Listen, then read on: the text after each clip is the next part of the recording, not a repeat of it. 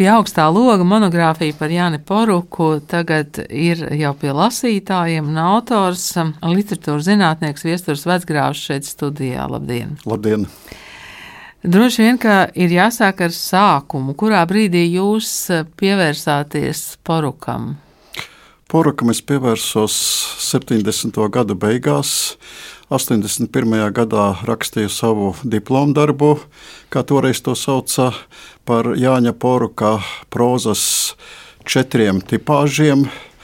Un, uh, manam diplomdarba vadītājam Vilnim Eihvaldam šis mans diplomdarbs bija tik ļoti paticis, ka 1981. gada nogalē, kad svinēja poru, kā, kā nu sanāk, 110 gadu jubileju, Vilnis Eihvalds ieteica fragmentāri manu diplomu darbu nopublicēt laikrakstā, literatūrā un mākslā. Faktiski varētu teikt, savu literatūru pētnieka karjeru es esmu sācis tieši ar poruku, un šeit ir kaut kāds zināms laika nogrieznis, vairāk nekā 40 gadu ilgumā, kurš tagad ir rezultējies monogrāfijā. Protams, pa starpu daudz kas cits ir rakstīts un, un, un, un bijušas specifiskas intereses, bet Poruks vienmēr ir bijis viens no tiem autoriem, par kuriem es esmu gribējis rakstīt. Un savā laikā, gan padomju periodā, gan pēc 1991. gadā, publicēju arī zinātniskajā periodikā rakstus par Poruku.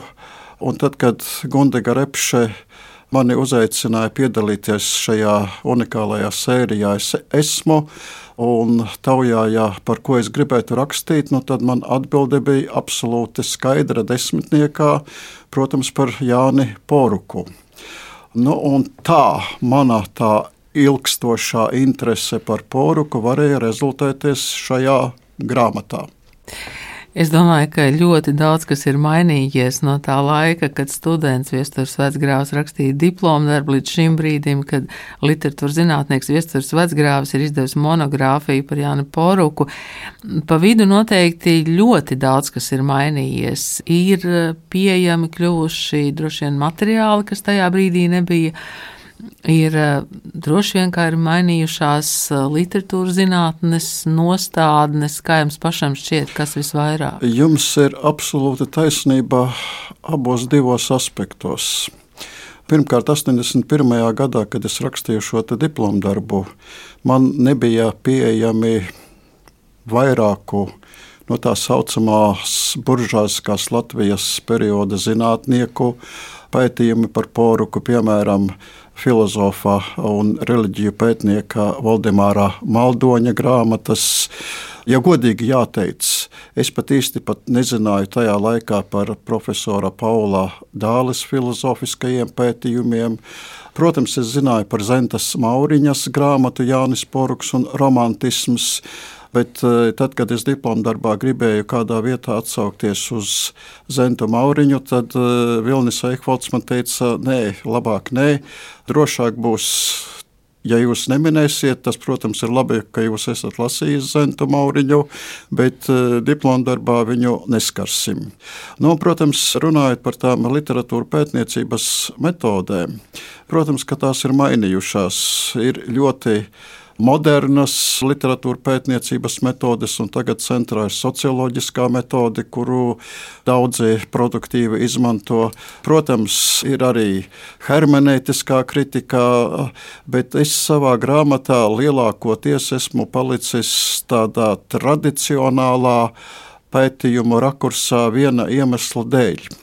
Es negribēju šo grāmatu veidot pārāk zinātnisku, drīzāk gan tādu populāru zinātnisku, un e, negribēju arī dzan akcentēt, ka es izmantoju kādu atsevišķu metodi.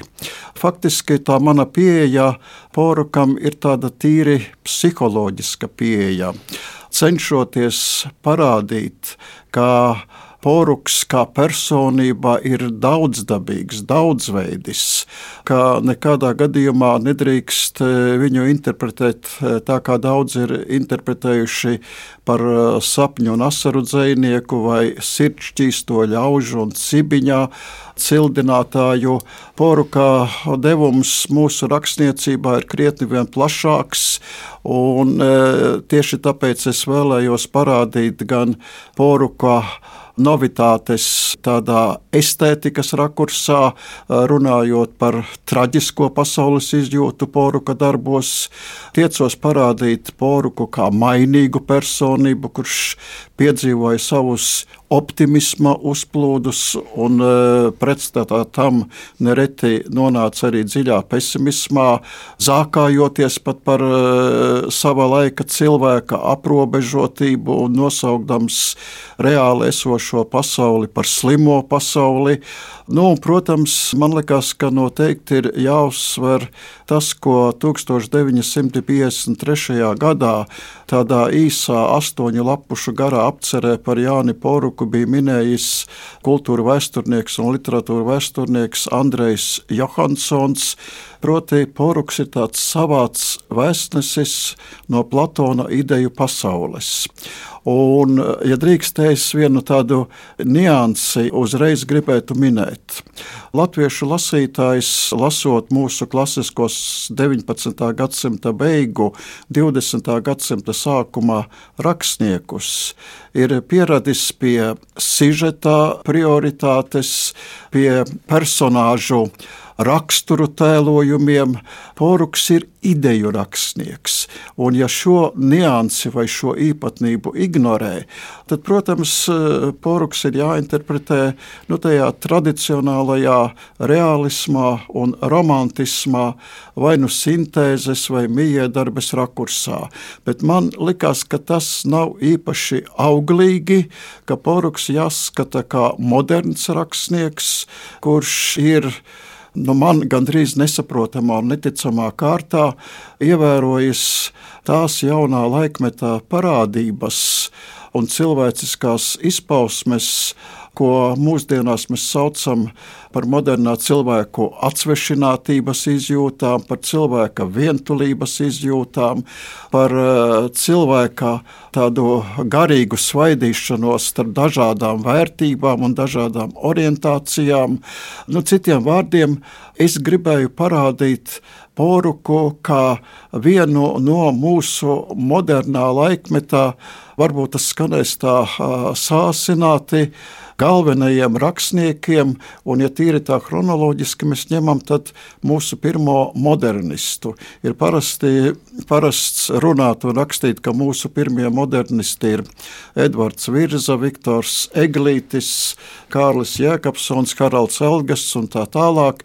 Nē, es domāju, ka Poruks bija pirmais mūsu modernists, kurš parādīja visas tās nebūšanas, ar kurām jaunais laikmets ienāca sadzīvē cilvēku morāliskajos uzskatos, vērtību izpratnē.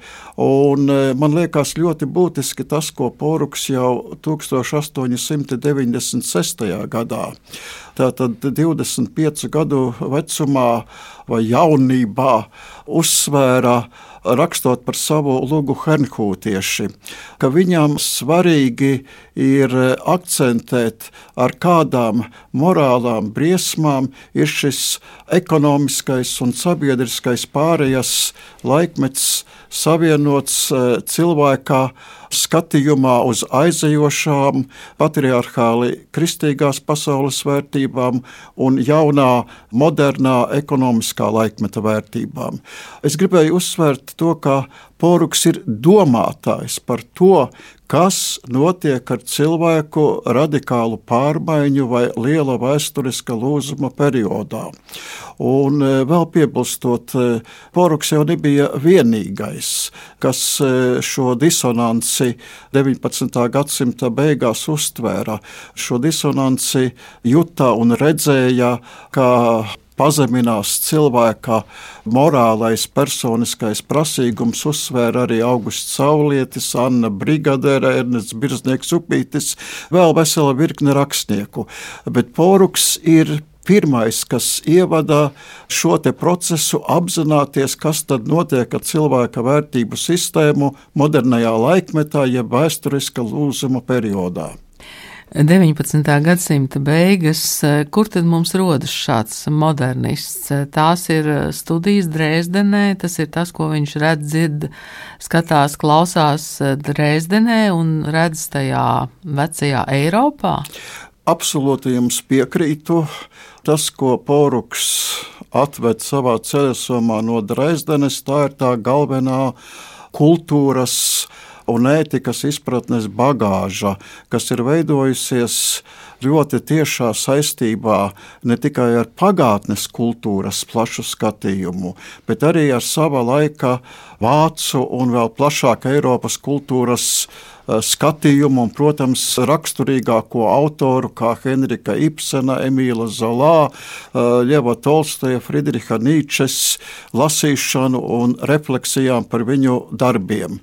Taču es noteikti vēl bez Dresdenes, ko Poruks minēja kā vienu no savām divām vietām, kur viņš ir juties laimīgs, blakus tēva mājām, bez Dresdenes, kurā viņš sastapa savu vienīgo literatūras skolotāju profesoru Adolfu Adolfu Šternu, bez Dresdenes ļoti raksturīgi porukā izpratnei un zināšanām par poruku ir tas, ka arī atgriežoties Rīgā, Poruks ļoti intensīvi lasa Vācijā izdoto periodiku. Praktiski ar dažu dienu atstarpi Rīgā nokļūst visi lielākie vācu laikraksti un žurnāli. Poruks brīvi lasa šos žurnālus un e, laikrakstus, un e, vairāk kārt viņš e, savā vēstulēs un dažviet arī atmiņās ir minējis, ka viņš e, visu to jaunāko, kas notiek Eiropas to gadu literatūrā, uzzina tāpēc, ka ļoti regulāri seko tam, kas notiek Eiropas literārajā dzīvē. Galu galā Poruks ir viens no pirmajiem, kurš mūsu kultūrā piemin Morisu Māterlinku. Galu galā Poruks apzinās arī to renesansi, kas vācu kultūrā ir Friedrihu Helderlinu. Nu, protams, Poruks jau ir pirmais arī Nīčes ideju importētājs uz Latviju. Un tad, kad es skatījos vācu valodīgo literatūru par Friedrihu Nīči, jau pirms kādiem 20 gadiem, tad es konstatēju, ka vācu literatūra pētnieki uzsvērdami, ka viens no tādiem vērā ņemamākajiem 90. gadu pētniekiem, kas vāciski rakstījuši par Friedrichu Nīči, ir bijis Johannes Poruk.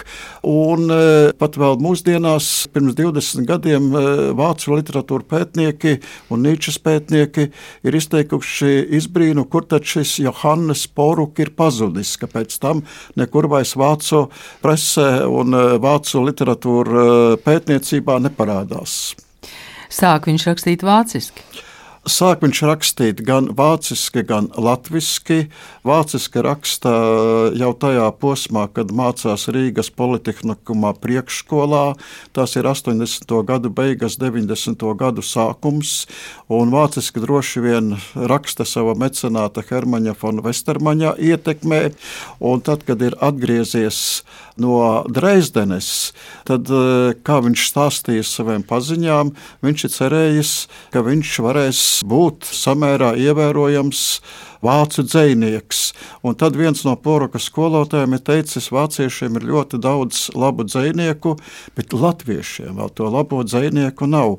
Es nezinu, vai tas ir bijis tas impulss, lai poruks sāktu daudzkārt vairāk rakstīt uh, latviešu, bet es pieļauju, ka poruks vispirms sevi projicēja kā vācu rakstniecībai piederīgu, un tikai pēc tam nāca šī viņa latviskās nacionālās identitātes apjauta. Vai mums ir jāpārskata savi kādi priekšstati par poruku? Jūs jau sākumā teicāt par tiem sirdsčīstajiem un asaru dzēniekiem, un, protams, ka cibiņš jau ir kļuvis gandrīz vai par par tādu nu, sugas vārdu um, no kaujas pie knipskas. Kā jūs teiktu, ko mēs um, savos priekšstatos varbūt um, par poruku veidojam kaut kādu citu ainu nekā jūs tagad pētot? Dažviet es savā grāmatā esmu uzsvēris, ka to pašu nelaimīgo un daudzkārt apzelēto kauju pie knipskas nevajadzētu uztvert kā tikai cibiņa cildināšana vai pasivitātes cildināšanu. Manuprāt, šī stāsta, kas ir viens no poruka šedevriem, realistiskajiem šedevriem, arī psiholoģiskās analīzes ziņā, vajadzētu uztvert kā cilvēciskas atsvešinātības un cilvēka vientulības dominēšanu jaunajā ekonomiskajā un saimnieciskajā realitātē. Jo Poruks ir ļoti precīzi kaujā pie Knipskas izkārtojis sižeta attīstību.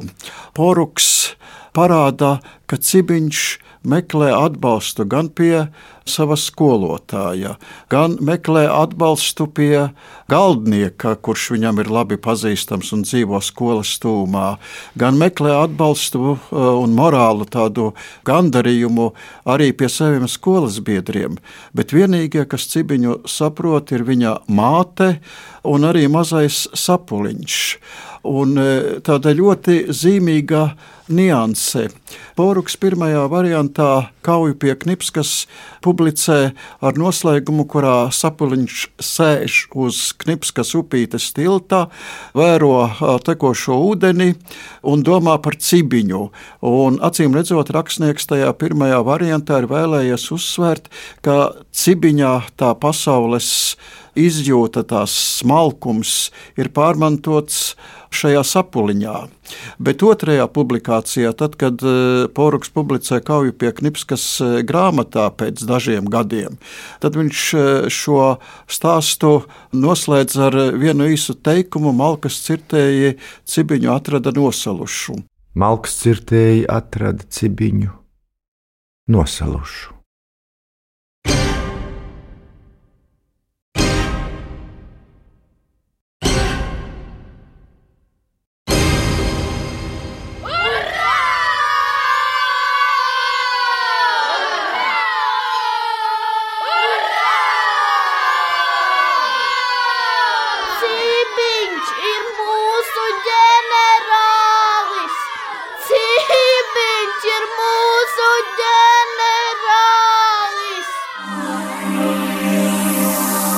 Tad paceļas cita bilde. Māmiņa piepieši ieskrien pie manis. Jānīt nāca, saka, brālītam pēdējo labu nakti. Man notirpst visi locekļi, es ieskaitu sāņu stāvā, māte izceļ brālītis gultus un tur uz savām rokām. Brālītis liekas raugās tālu, tālu, viņa acis ir miglainas, bet seja apskaidrot. Mēs visi skatāmies, kā viņš mirst. Māte to raudādam noskūpsta. Māte, ak, jā, māte!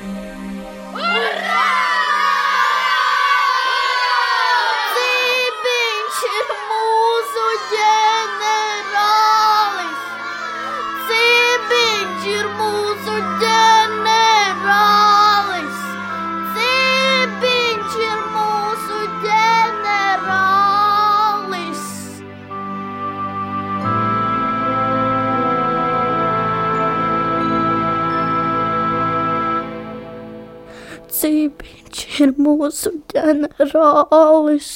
Citiem vārdiem, Porukam bija daudzkārt svarīgāk uzsvērt šī eh, stāsta un šī konflikta traģiskumu, ka praktiski ir noticis noziegums pret mazu puisīti, jūtīgu, smalku, čaklu puisīti, un noticis tāpēc, kā cilvēki ir vienaldzīgi pret eh, šādiem pasīviem, introvertiem bērniem, kā neredz, cik eh, jūtīgi viņi pārdzīvo dažādas nebūšanas. Tātad poruks pat uzsver gan šo traģismu, gan arī netieši, ka faktiski ir noticis noziegums, ka ir iznīcināts cilvēks gan garīgi, un vēl vairāk tātad arī, protams, fiziski. Jūsu monogrāfijā noslēguma daļa ir veltīta vienam poruka dzējolim. Pie loga ziemas naktī, hipotēzes, versijas un variācijas. Sakiet, kāpēc tieši šis dzējolis? Uh, šis dzējolis, manuprāt, ir viens no tiem dzējoļiem, kuros poru kā dualitāte un arī dzan poru kā spīts, pretojoties dažādām dzīves nebūšanām, atklājās vistiešāk un emocionāli visspēcīgāk. Kaut vai nu, šī ceļoļa iesākums, ka bez stīgām kokle un bez mērķa dzīve, nu, tas rada tādu absolūti bezcerības noskaņu.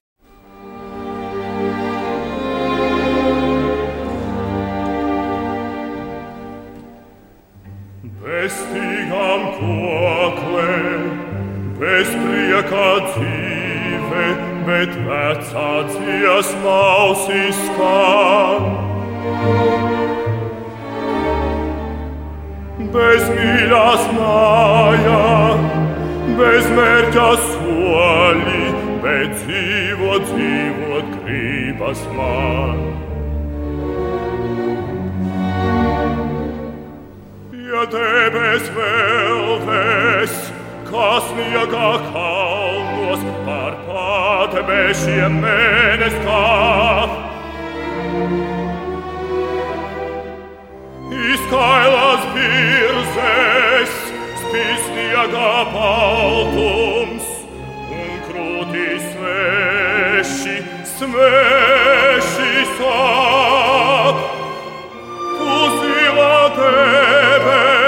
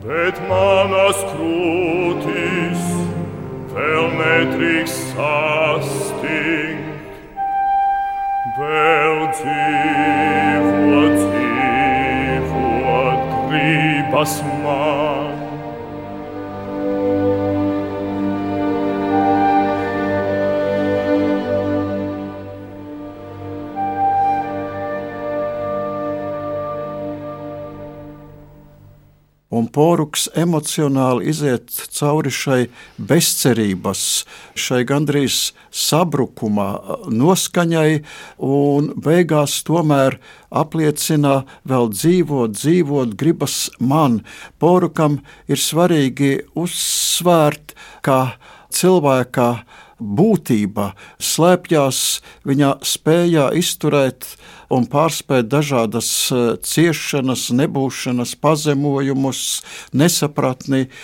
Manuprāt, tur ir eh, šajā ir ļoti precīzs poruka psiholoģiskais portretējums, un arī tas, kā poruka apziņā un izjūtās ir tādas nu, gandrīz vai nemitīgas šaubas par ticību dzīvei, par ticību savas cilvēciskās būtības jēgai, un vienlaikus arī šīm šaubām par to, vai es tomēr nesmu nu, šis pasīvais, pazemīgais cietējs. Poru ka spīd šajā dzējolī manuprāt, izpaužās visā pilnībā. Un e, es šī raksta vai šīs nodaļas iesākumā minēju arī Kārļa Strālā izjūtu lasot šo dzējoli. Kārlis Strāls, būdams pats rakstnieks un dzējnieks, ir ļoti precīzi izjūtis, ka tas ir viens no emocionāli visspriegākajiem, emocionāli visdziļākajiem un arī nežēlīgākajiem poruka dzējoļiem, kurā tomēr ir galvenais šis dzīves apliecinājums, ticība dzīvei. Jā, nu pēdējā rinda vēl dzīvot, dzīvot gribas man.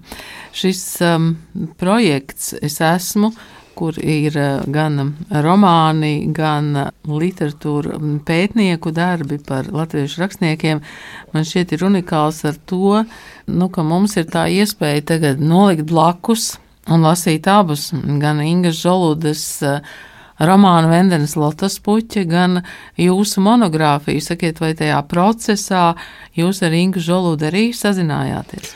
Protams, mēs sazinājāmies un, un, un, un auglīgi, un Inga man uzticēja savas šaubas vai, vai arī neziņu, un savukārt man ļoti daudz ko jaunu pateica par tiem atradumiem, ko viņa ir atklājusi piemēram Cēsu muzejā, vai tiem atklājumiem, kas ir saistīti ar nu, šo poru kā dzīves norieta posmu.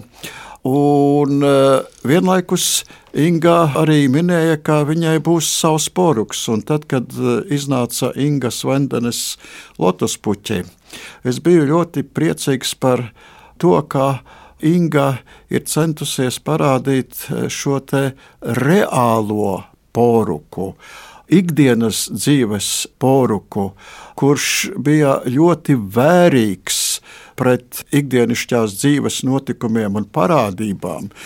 Inga vienlaikus arī uzsvērā, ka Poruks nemaz nebija nu, tas ideāls tēls savā dzīvē. Nu, jā, godīgi man jāteic, dažkārt viņš varēja būt pārāk kategorisks, paštaisns un varbūt arī dažkārt pat arī ar zināmu nekaunības pieskaņu. Bet nu, tas raksturo, ka mēs nedrīkstam nevienu mūsu kultūras darbinieku ielikt iekšā kaut kādā būrītī vai sprostiņā un pateikt, ka lūk, skalbe ir tikai tāds, vai poruks ir tikai tāds, vai, vai, vai teiksim, Veronika Strēlerte ir e, tikai tāda. Man ļoti simpatizēja, ka Inga bija parādījusi šo realitātei pietuvināto poruku, un līdz ar to tiešāk vai netīšāk apstrīdot to iesīkstējušo tēzi, ka poruks ir šis sapņu un asaru princis, un ka poruks ir sentimentāls. Nē, viņa poruka parādīja, kā dzīvu savā laika personību ar saviem tikumiem, ar saviem netikumiem. Tas bija tas pats patīkamākais. Paldies jums šodien par sarunu. Es domāju, ka gan uh, Ingas Žaludas uh, romāns Vendenes Lotas puķa, gan viestura vecgrāva monogrāfija pie augstā loga rosinās vismaz kādu paņemt atkal pašam rokā kādu no poru grāmatām, palasīt un, un nu, sajust to, ko katrs mūsdienās var sajust. Gan pēļu zvejniekā, gan kaujā pie knipskas, gan, protams, arī citos darbos. Paldies jums šodien par sarunu. Paldies jums!